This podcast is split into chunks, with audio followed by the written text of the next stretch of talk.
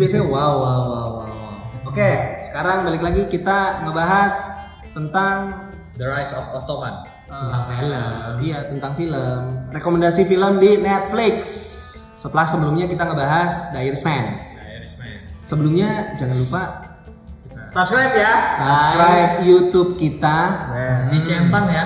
Ya. dicentang bukan dicentong. tentang di like, Yo, di follow juga Spotify kita, follow juga Anchor kita. Buat temenin di COVID-19 ini di masa-masa sulit. COVID-19. COVID-19. Jadi kita mau nongkrong di rumah, stay at home, Bosen. Gabut ya. gabut gitu, mau pacaran susah. Hmm. Tapi sekarang sekarang ini kita ngebahasnya di apa platformnya Netflix ya Bung ya berarti ya. Iya, Iya cuma. Netflix karena kita eh, Mendukung perfilman Apa ya? apa ya lu? bukan. Ini- kembali berkembang. Ngedukung supaya lu nggak gabut di rumah. Iya, biar gak gabut lu nonton Netflix. Nah, Betul. terus salah satunya juga kita ngerasa kayaknya udah banyak ya penduduk Indonesia yang langganan Netflix. Ya betul betul betul. betul. Udah nggak zaman lagi nonton di gratisan-gratisan yang nggak ada arah gitu. Biasanya banyak virus. Hmm. Kualitas filmnya nggak harus juga. harus harus pakai VPN. Melanggar hukum. Coba. Hmm. Ntar lagi webnya di blok lagi lu cari-cari yang baru lagi. Iya berat, ada iklan judi situ, akhirnya lu otak Main lu judi. otak lu ke mana-mana, duit habis main judi. Makanya. Sembuh jajan. Iya, udahlah. Mendingan daripada main judi, mendingan duitnya buat Langganan. langganan Netflix. Gak banyak. Bisa sharing lagi. Yoi, biar kalian bisa lihat, kalau kalian udah langganan, kan filmnya ada ribuan. Nah, nggak mungkin juga kan? Iya tuh. Kalian cek satu-satu, kalian butuh rekomendasi film. Hmm. Pas Cuman gabut juga ya, cuma kadang kita di depan Netflix jadinya milih-milih doang. Habis waktu setengah jam buat milih doang. Wah, itu gua banget. itu gua banget. Karena nggak ada arah. Biar lu ada arahnya, kita kasih panduan. Jadi sebelumnya itu Netflix original, ini juga masih Netflix original, cuman tipenya doku series. Oh. Apa, itu doku series? Itu. Jadi itu series dokumenter kan biasanya. kesannya kan kalau dokumenter boring. Hmm, lama gitu terus jalan tentang cerita. hewan-hewan, ngomongin sejarah yang belum tentu juga kadang dalam hatinya emang bener begini. Nah ini bagus. Doku series itu uh, film dokumenter, terus ada reka adegannya, tapi kualitas film rata, reka adegannya itu sekelas Hollywood ya. film-film Hollywood. Mantap dong. Yoi. Hmm. Nah, doku series apa bang yang mau dibahas? Kali Apa? ini kita ngebahas tentang The Rise of Empire Ottoman. Tadi lu udah, lu udah kasih, lu udah kasih ininya, bocoran, rusak lu. Rusak. Bocor banget. Tahu. Jadi udah udah nggak ada ininya karena Surprise udah, lagi iya, ini udah udah nggak ditunggu. Kayaknya benar-benar kelamaan nih di rumah. Rise of Empire Ottoman. Ini kenapa Wih, kita pilih ini karena mungkin jarang dibahas nih kali ini. Betul. Kalau Roman Empire kan udah sering banget tuh dibahas, terus tuh filmnya udah banyak banget yang misalkan Roman Empire. Gua sendiri pencinta sejarah kebanyakan yang dibahas itu kalau kerajaan itu eh, Inggris kali ya. iya Inggris, Roma, Iya, Terus tuh China. Cina. Ya itu itu aja lah. Jarang yang ngebahas kerajaan-kerajaan Timur Tengah. Ya. Unik nih. Ya, ini unik nih. Perspektifnya beda. Timur nih. Tengah juga sih, dia Eropa. Cuma Ya setengah setengah lah. Iya. Setengah Eropa, setengah. Middle, middle, middle. Iya. Tahu nggak Ottoman di mana? Di mana? Ayo di mana? Aduh. Gimana coba biarin? Dia itu adalah kalau sekarang orang-orang taunya itu Turki. Hmm. Erdogan ya.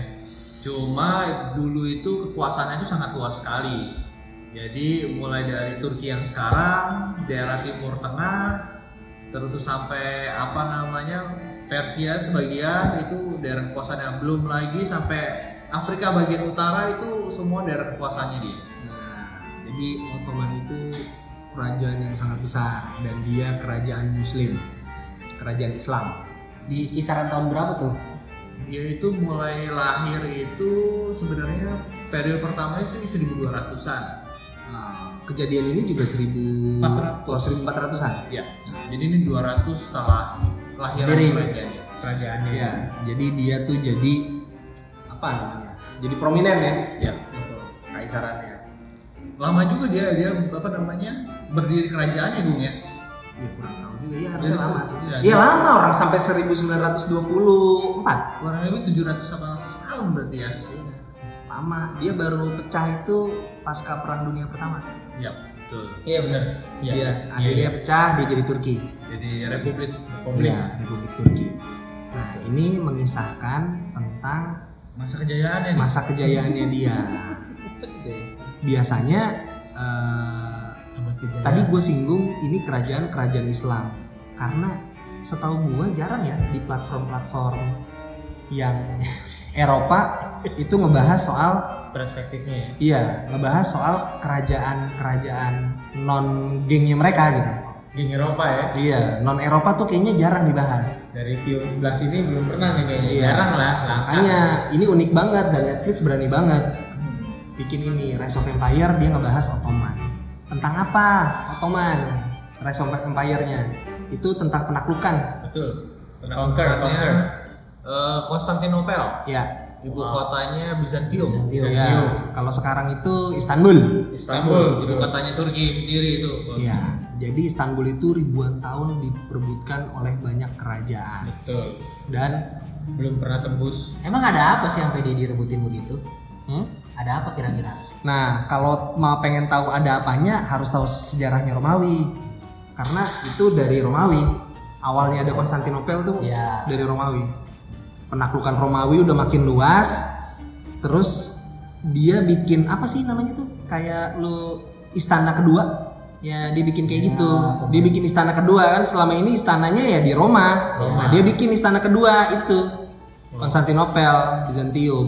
Kaisarnya dulu Konstantin Konstantin. buat kalian yang nggak apa ya yang sebelumnya belum pernah nonton sejarah nggak suka film dokumenter udah pasti ini beda lah Jadi filmnya menarik beda. justru. iya menarik Dapat, sejarahnya tapi menyenangkan. iya Ya karena kan kalau baca juga kan kadang nggak Membosankan orang. kadang-kadang.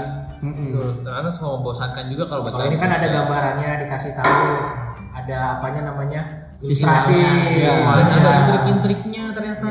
Iya. Tapi ceritain dong kira-kira apa sih kenapa sih harus harus ditonton gitu loh, harus kita tahu sejarahnya. Yang serunya di mana sih? Jadi ini tuh pertama tentang mengisahkan si Mahmed. Eh, Iya. Mehmet the second Second. second. Kalau orang Indonesia ngomong Mahmed dua lah. Ya, dua. Atau dua. enggak orang Muslim bilang sering ngomong Al Fatih.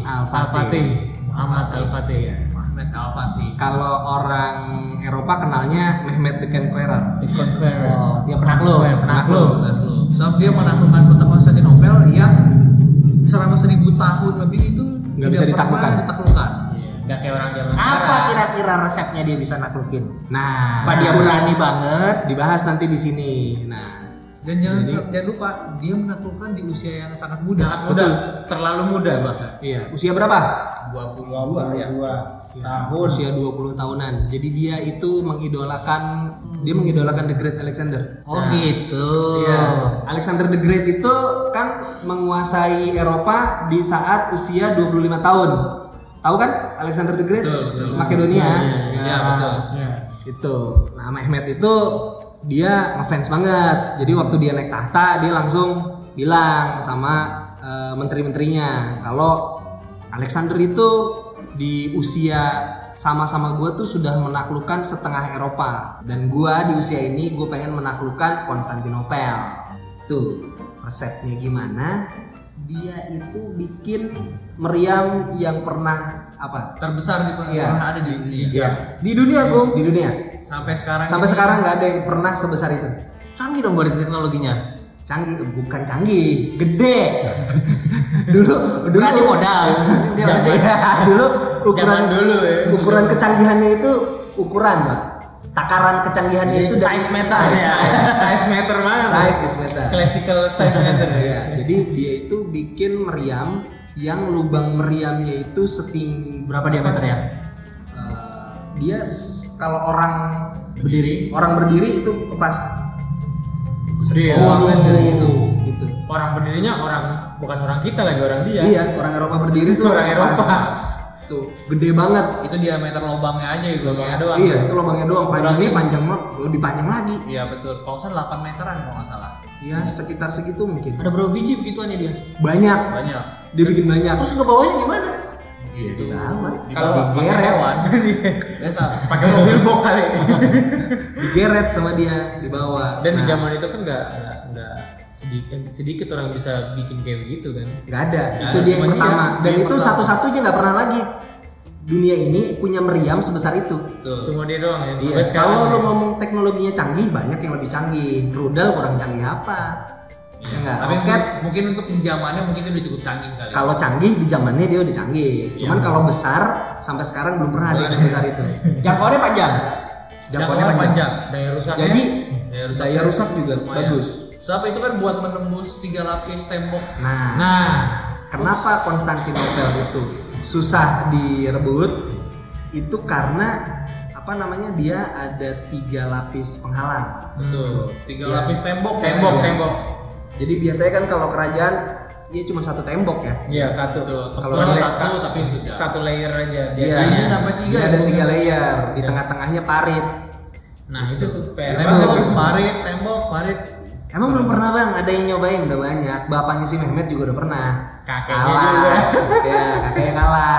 Bapaknya nembus lapisan pertama, kelar. Pulang lagi. Habis itu dibangun lagi di temboknya. Eh berarti antar generasi, generasi ada progres lah. Iya. Jadi, bang, tapi lu bukan yang ngomong kayak gini jadinya spoiler? Enggak, karena ini historical pak. Ini bukan. Iya. Siapa sih yang Siapa tahu? yang nggak ya? tahu gitu Iya. Dan udah di, di open juga sejarah Iya. soalnya. Cuman poinnya bukan di situ. Nah, kita ceritain ketika lu nonton, lu dapet apa? Ilustrasinya. Betul. Iya. Jadi ini mengisahkan dia tuh dari kecil banget ya, Bung ya. Iya, dia dari kecil. Dari umur 3 tahun. Gua sendiri penyuka sejarah, gua ngefans juga sama sejarahnya Romawi karena dia peradaban paling eh, maju di zamannya. zaman pertengahan, Pertengahan. abad pertengahan Middle Age, ya. gitu. Dan gua jadi baru tahu gara-gara gua nonton ini kalau ternyata Ottoman itu juga maju juga. maju juga. Cuman kita nggak nggak per emang jarang dibahas. Ya jarang digembar-gemborin. Nggak pernah di blow up lah. Dan nggak- kita nggak tahu kalau dia kaya banget itu. Iya, ternyata dia kaya banget. Dan mungkin baru dengar kata-katanya kali Ottoman. Hmm, iya mungkin ada yang baru dengar. Oh dulu ada kerajaan namanya Ottoman. Ottoman. Dia kerajaan Islam gitu. Ada. Kalau nggak disebut Turki mungkin belum tahu juga. Iya. Ottoman itu siapa? Siapa nih yang Konstantinopel itu di mana? Itu Istanbul. Itu seru banget deh. Kalian nonton deh. Kalian jadi banyak tahu. Kalian tahu soal apa kerajaan-kerajaan. Uh, strategi perangnya juga keren ya. Iya, iya. Dia salah satu bikin strategi yang sangat fenomenal. Fenomenal. Yang luar biasa ya. Yang Iya. nggak pernah dilakukan sama Oh biar biar kata dia punya tembakan segitu gede pakai strategi juga. Iya. Waduh. Karena pros progresnya kocak. Pro, udah Progresnya kocak. kocak. Jadi dia itu mentargetkan perang itu hanya berlangsung dua minggu. Setiap perang. Enggak. SOP-nya begitu. Enggak. Nah, ya SOP-nya setiap perang perang kilat. Tapi untuk menaklukkan Konstantinopel, dia na- nargetin cuma dua minggu. Ibaratnya Tapi jangan salah dulu, yang dia bawa pasukan itu banyak sekali itu di zamannya. Iya. Di zamannya dia bawa 200 ribu. Iya. Itu banyak banget. tapi walaupun kayak gitu juga tetap aja orang zaman itu nganggapnya itu kayak ngayal aja. Hmm. Karena emang susah banget. Susah untuk dapetin Itu orang segitu. Udah beratus-ratus tahun dari nenek moyang dia nggak ada yang pernah tembus. Seribu Udah ribuan tahun, udah seribu tahun. Seribu tahun, Bang. gitu. Nah, itu yang bikin apa ya? Bikin seru. Terus dia kan dua minggu nargetin. Ternyata nggak kena. Kelamaan. Kelamaan. Karena Susah banget. gimana ya kalau ngejelasin ya? Yang pertama strategi dia di laut itu salah. Dia Enggak, mengalahkan di laut. ada ada ada ada titik sama. pertamanya. Titik pertamanya itu Romawi nyewa mercenary. Oh iya betul, tentara bayaran ya. Iya, dia nyewa tentara bayaran Yang sangat ahli. yang sangat ahli, orang Italia buat lindungin. buat melindungin gitu. Nah, Sebenarnya ada sih titik poinnya. si tentara bayaran itu yang ngelindungin Romawi karena Romawi pada masa itu secara ekonomi terutama di dalam Konstantinopel itu kurang bagus Ya betul. gitu kerajaannya itu lagi susah lagi kurang duit Iya lagi kurang uang. duit. Nah dia manggil lah, gue lupa nih namanya siapa. Orang Genoa. Dengan keahlian dia, gagal lah Mehmet untuk perang cuma dua minggu. defense-nya bagus banget ya Iya, defense-nya bagus. Akhirnya dibikin strategi berikutnya yaitu bikin mereka kelaparan, potong jalur Potong distribusi. jalur, betul. Gitu. jalur. Oke. Waktu mereka motong jalur distribusi, mereka kalah perang di laut si Ottoman. betul karena angkatan lautnya gagal ya Ya, oh iya, Giovanni Giustiniani Longo. Itu mercenary-nya, orang Genoa. Waktu itu secara politik begini, Bro. Begitu Romawi didatengin sama Ottoman, Mehmet bilang, "Perang, menyerahlah." Romawi nggak mau menyerah. Karena Romawi yakin pasukan Vatikan akan segera Support, datang. bantu, support. Akan segera bantu. Gitu. Biasa lah gue kalau misalnya ditantang ya masa ya lu nggak beli. Iya, gitu. Beli. Saya menyerah gitu aja, apalagi Iya dong. nama besarnya kan. Zaman Iya. dulu lagi. Iya. Nah, pertahanan Konstantinopel tuh ada dua. Selain tembok berlapis, dia punya Golden Gate namanya. Golden Gate itu rantai emas di eh, jalur laut. Jalur laut. Itu dan nggak bisa masuk Betul. orang. Itu Apa? li- literally rantai. rantai Rantai betul. benar. rantainya diangkat dari laut nutupin kapal yang nggak bisa lewat Kapal nggak Iya, bisa kapal lewat. jadi nggak bisa lewat. Dari Mas. Nggak Nggak tahu. sih Nggak kayaknya tahu dari- juga. Itu cuma hiasan. Iya, judulnya Golden Gate. saking saking ininya dia Kayak banget ya. Agak. itu nutupin selat sap ya Nah, dia bawa suplai makanan. Betul. Lolos dia dari pasukan Mehmet karena pasukan Ottoman itu bukan apa namanya? Keahliannya di laut. Keahliannya di laut. Iya. Bukan marin. Bukan marin, marin. Itu keahlian itu di Navy, darat. Iya, dia nggak naval. Naval skillnya jelek. Kapalnya itu setengah ukurannya kapal-kapal orang Romawi. Orang Romawi. Makanya Dia lebih advance lah Romawi di Iya. bagian. Terus laut. tadi yang Sobirin bilang, terus turning point-nya ada strategi fenomenal Iya. yang dilakuin. Emang ini fenomenal Itu banget, gila bro. sih. Bukan fenomena gila. dia lu bayangin ya bro dia itu karena kapalnya nggak bisa nembus selatnya Iya. dia akhirnya punya ide buat Muter. naikin kapalnya ke daratan turunin lagi di selat berikutnya Iya. Dia muterin muterin Konstantinopel, jadi dia nyerang dari dua front. Dari depan sama dari jadi belakang. diangkat kapalnya lu bayangin Lu bayangin di zaman itu. Tapi Caranya- ada keuntungannya juga karena kapalnya kecil ya. iya Jadi iya. gampang gampang diangkat. Iya. Gitu ya. Ya, tapi walaupun tapi tetap aja aja itu kapal selat yang yang yang yang lu lewatin hutan jadi dia Iya. harus tebang hutan dulu dan waktu Lu bayangin tuh PR-nya kayak apa zaman dulu. malam lu bayangin Zaman dulu lagi. gitu dan itu Romawi kaget. Dan itu benar-benar shock. Orang Romawi kaget. Romawi benar-benar shock. Karena nggak nyangka si Ottoman ini segila itu. Dan dia ngangkut kapal. Gitu. Lu bayangin bro, ngangkut kapal lewat hutan. Gua kita itu gua gua nggak tahu deh tuh gimana jenderal-jenderalnya dia tuh nyepikin ininya prajuritnya sampai segila itu mau ngelakuin Jadi dia nggak pakai papan beroda nggak, dia pakai Kayu. kayu batang Kayu, pohon. batang Batang pohon Ya. dilumurin sama lemak Iya, lemak hewan iya, lemak hewan. Terus didorong. manual coy. capek licin bau lagi itu puluhan kapal bro, bukan cuma satu. Terdesaklah Romawi. Shock. Shock juga. Siap. Begitu Sampai- ngelihat layarnya dari jauh udah gemeteran. Hmm. Kaget mereka nggak nyangka. Eh, eh, apaan tuh? ada strategi ketiga gung Yang mana? dari belakang. enggak kita apa namanya terakhir terakhir dia kan apa namanya ngajakin Oh iya, diskusi. dia negosiasi. siapanya Mehmet, Mehmet. dia pura-pura jadi Tentara. tentara biasa tentara pembawa pesan. berani juga berarti dia ya Oh, mentalnya luar biasa. dia Masih apa namanya datang ke depan gate-nya musuh bilang kalau misalkan dia bawa pesan oh ini messenger Ya, Messenger buat siapa? Buat Gustiniani Longo. Jadi bukan buat kaisar. Dia bawa pesan untuk Longo. Gitu. Longonya datang ke bawah, ditawarin duit, ditawarin pulau, lu nyerah sekarang. ditawarin pulau Sisilia Karena Sultan tuh kaya banget, Bro. di zaman mau dia- kemakan Hah? kemakan Longo? Enggak. Iya. Cuma gara-gara dia ditawarin intrik di dalam jadi semakin keras. Makin rame tuh. jadi trust terhadap lo apa ya jangan-jangan lu main dua kaki. Iya, Oh, Oh iya buat lu tahu itu intrik beratnya tuh gini, Longo itu kriminal yang lagi dikejar untuk dihukum mati. Hmm, jadi emang susah dipercaya juga orangnya. Susah gitu. Nah, penawaran Romawi selain dikasih harta dibebaskan dari hukuman. Sementara Sultan menawarkan jadi itulah. menarik nih. gitu. Cuman emang ada sisi subjektif yang nggak bisa dilepas Iya sih. soal iman. Iman. Kebetulan meskipun Longo itu kriminal, tapi dia Nasrani. masih beriman Gitu. ya. Iya dia beriman, jadi dia nggak mau disogok sama musuhnya Nasrani, musuhnya Romawi. Oh, Gitu. Beda sama yang buat Meriam. Kenapa? Oh iya yang buat Meriam masalahnya disiksa. Yang buat meriam itu orang Orang Iya. Bizantium. Bizantium. yang Wizantium Yang orang dia anaknya. Hmm. Gitu bro, lu tonton, lu lihat kemegahannya kekaisaran Ottoman. Empire lah di zaman itu. Iya, istrinya juga banyak. Kok jadi istriku? Ini lagi ngomong Istri bapaknya kali ini bapaknya. Istri eh, bapaknya. coba Ya, emang coba. udah identik lah. Masa lu jadi sultan lu monogami kayaknya Iya, kayaknya nggak cocok. Nggak cocok ya? Karena kan gini, biasanya kan Nah. kalau kerajaan-kerajaan Eropa itu kan pakainya selir ya. Betul. Selir Iya ya, kan? iya. Yang- Eropa selir. Ya kan, satu queen, sisanya selir. Selir, Ya. banyak. Sementara kalau Ottoman enggak, Enggak. selirnya itu enggak untuk ditiduri. Gitu. Jadi apa Ku? Di pajak. Selirnya itu pembantu. Oh, dia definisinya beda ya. Iya, definisinya beda. Karena ratunya banyak. iya, kalau kerajaan apa?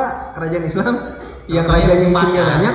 Empat. Ratunya kan bisa Oh, tapi tetap menurut kaidah-kaidah Islam.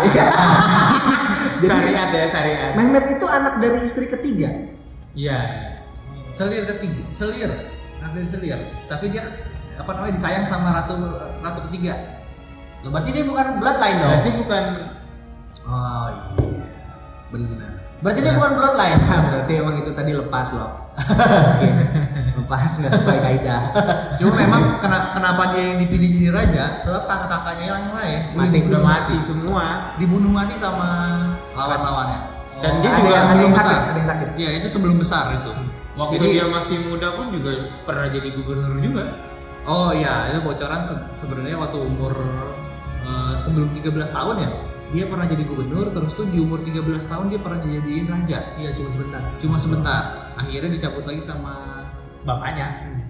dia menyerahkan tahtanya ke bapaknya lagi baru setelah umur 20 dia kembali jadi raja. Kalau ada bapaknya ngikutin kaidah, nggak ada Mehmet berarti. Gak ada. Nggak ada. Nggak ada. ya. Kayaknya. Nggak Tapi ada. bisa jadi itu selir itu mantan istrinya bisa jadi. Ya nggak tahu juga.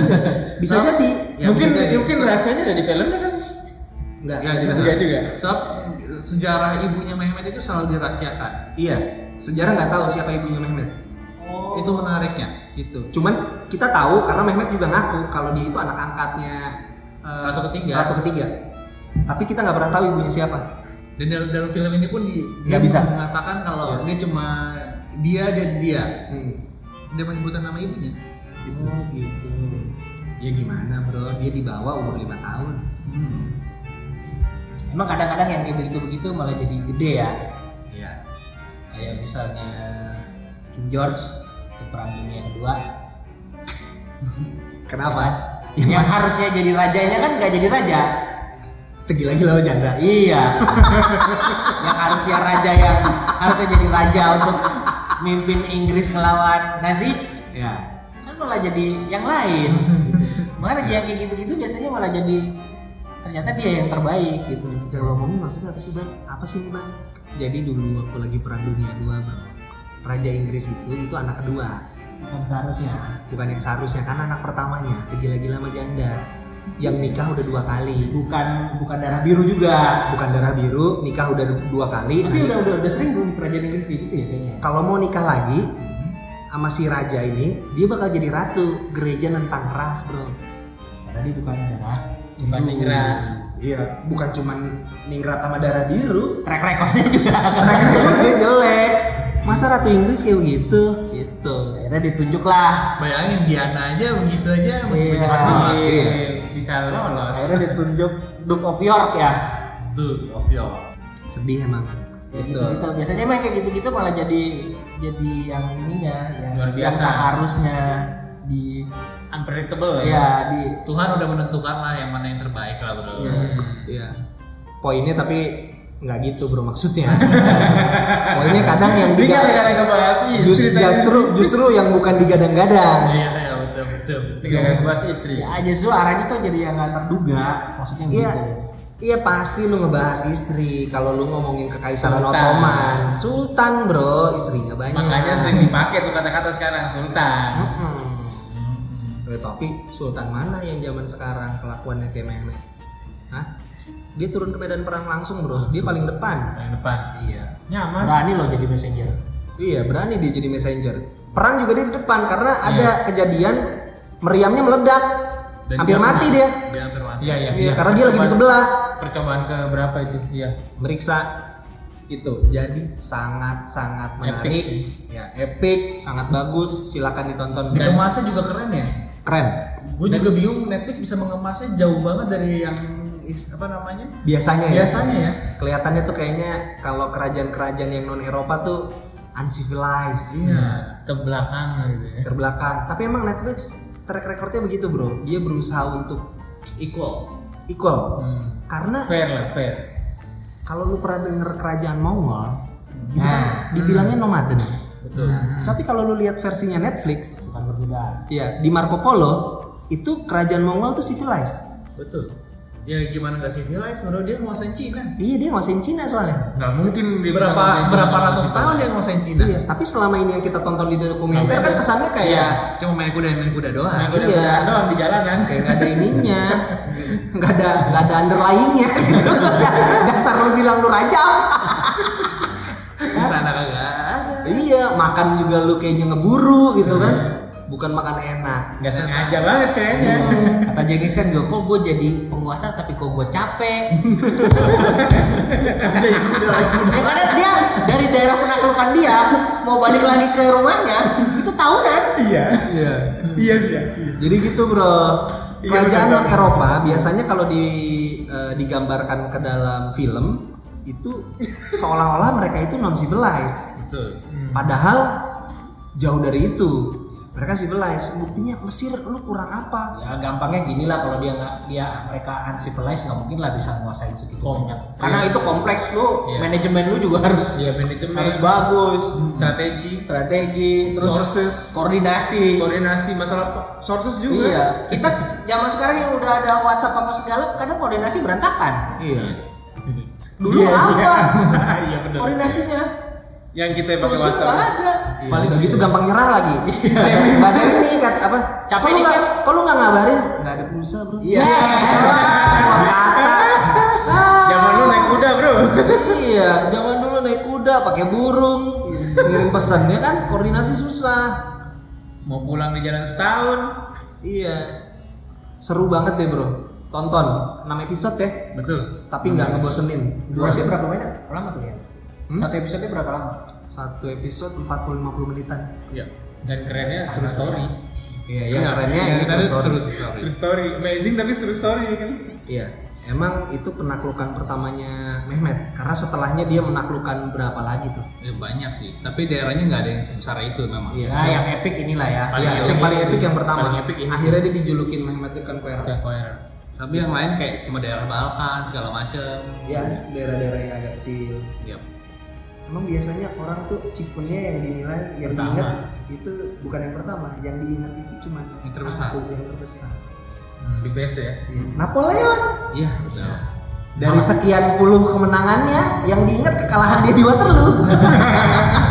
Yang lain lupa ya. yang lain dilupain karena itu yang paling besar, Paling yang paling Messi, epic. paling Messi. Karena emang udah tugasnya dia menang tuh. Iya, sayangnya Begitu dia kalah, Oh iya iya. Ada yang salah nih. Gua Ibaratnya udah high standard banget ya. Iya. High standard ya. Iya sebelumnya dia nggak pernah kalah sama kayak itu. Iya, belum pernah. Standar dia too high. Makanya sejarah itu sungguh menarik. Kita juga apa namanya? Dapat ilmu. dapat ilmu dari situ. Wawasan. Kita juga sebenarnya ada segmen sejarah, cuman kita belum pernah launching. Nanti yang next kita launching deh. Segmen-segmen sejarah, sejarah nasional juga. Iya. Sejarah itu penting loh Dan untuk menarik. iden- identitas bangsa. Yang gampangnya gini deh. Lu harus tahu keturun lu keturunan siapa. Hmm. aduh. Eh bener dong. Gue Iya. tahu. Lu harus tahu darah keturunan lu, keluarga lu. Tahu. Tahu dong. Untungnya kita di sini sukunya beda-beda semua ya. Beda, beda semua. Beda. Beda-beda pulau. Beda pulau. Gitu. Oke bro, Oke. jadi silakan nonton Rise of Empire Ottoman. Jangan lupa support juga channel kita Iya. supaya kita bisa ceritain lagi, Mm-mm. kasih rekomendasi lagi. Hmm, kayaknya apa nih mau dibahas nih Iya. kayaknya. Biar kita semangat ini Mungkin kalau ada kalian yang mau nanya, bang, ini film ini kayaknya bagus nih bang, bagus kagak sih? Gimana nih? Tanya aja, Ya. Ntar kita review. ntar kita review. Oke. Oke, sekian kalau gitu dan terima kasih. Jangan lupa Komen. Apa Komen tadi dulu. Kan tadi kan udah dibilang. Lagi jangan Oh, dari iya, iya. dari Oh, iya, iya. Kan biasa koordinasi begini aja lu bingung. Apalagi zaman dulu ya mau menaklukkan pakai kuda. Jarak cuma berapa meter? like, subscribe, follow, Komen. komen, silakan. Oke. See you next time. Bye. Bye.